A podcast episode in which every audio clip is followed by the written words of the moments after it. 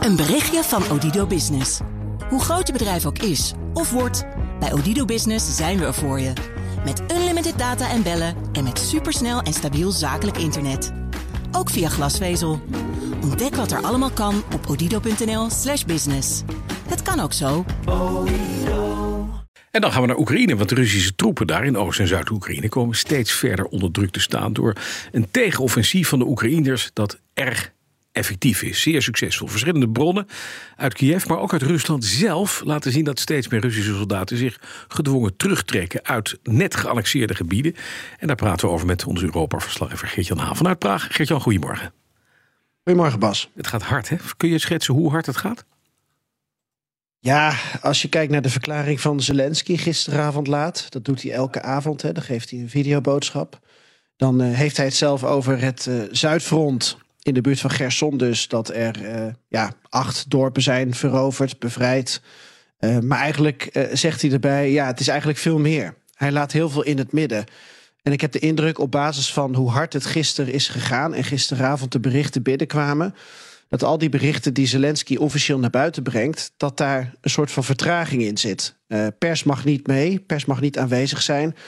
Maar je krijgt sterk de indruk dat ze eigenlijk uh, al, al voor een periode van 24 uur, op zijn minst soms zeker weten dat ze een gebied hebben bevrijd. Mm -hmm. En daarom gaat het voor ons soms heel hard. Want dan lijkt het net alsof die Russische verdedigingslinie ineens is opgeschoven en een uur later weer ineens is opgeschoven. Ja.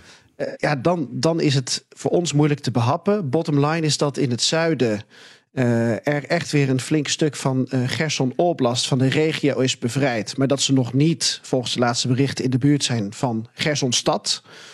En als je kijkt naar het Oostfront, dan zie je dat ze daar steeds meer blijven werken aan die logistieke ontregeling van de Russen. Ja. en dat ze ook daar stapje voor stapje verder gaan in de bevrijding.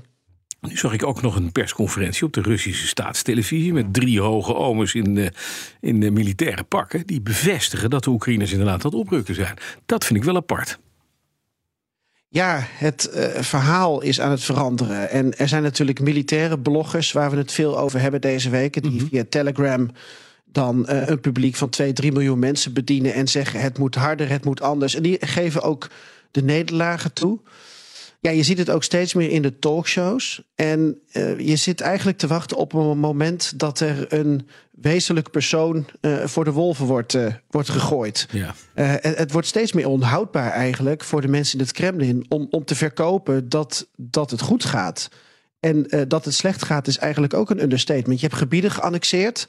En een paar uur later worden die weer bevrijd. Ja. Dat is natuurlijk ongelooflijk bizar. En je zit eigenlijk te wachten op het moment dat een uh, commandant der strijdkrachten, uh, ja, of misschien nog een hoge persoon, dat die uh, uiteindelijk uh, op tv ja, wordt geslachtofferd en daarmee door Poetin ja, tot de persoon wordt gemaakt als, als kop van Jut. Het, het kan bijna niet anders meer. Ja, ja.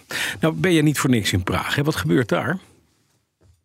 Ja, hier is deze week uh, eigenlijk vanaf uh, uh, morgen een Europese politieke gemeenschap.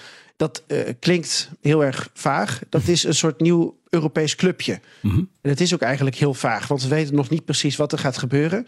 Maar in, in korte lijnen, het gaat om de 27 EU-landen die hier bijeenkomen voor de EU-top. Want Praag, want Tsjechië is voorzitter van de EU dit half jaar. Maar ze hebben ook 17 andere landen uitgenodigd. Voor het eerst wordt er dus in Europa met 44 landen vergaderd in een EU-setting over hoe we uh, problemen in deze tijd moeten aanpakken. Denk mm. dan aan de veiligheid van Europa, maar denk ook aan een eerlijkere uh, uh, verdeling van vaccins. Of denk aan klimaat, om je een klein voorbeeld te geven. Kroatië is lid van de EU. Stel dat Kroatië bezig is met vergoeding, maar dat ze in Servië zeggen: ja, jullie kunnen me wat. Uh, wij gaan gewoon heel veel. Um, uh, ja, uh, kolencentrales openen. Ja, precies. ja. kolencentrales laten draaien. Ja. ja. dan is het vestzak, broekzak. Dus het idee is dat je echt.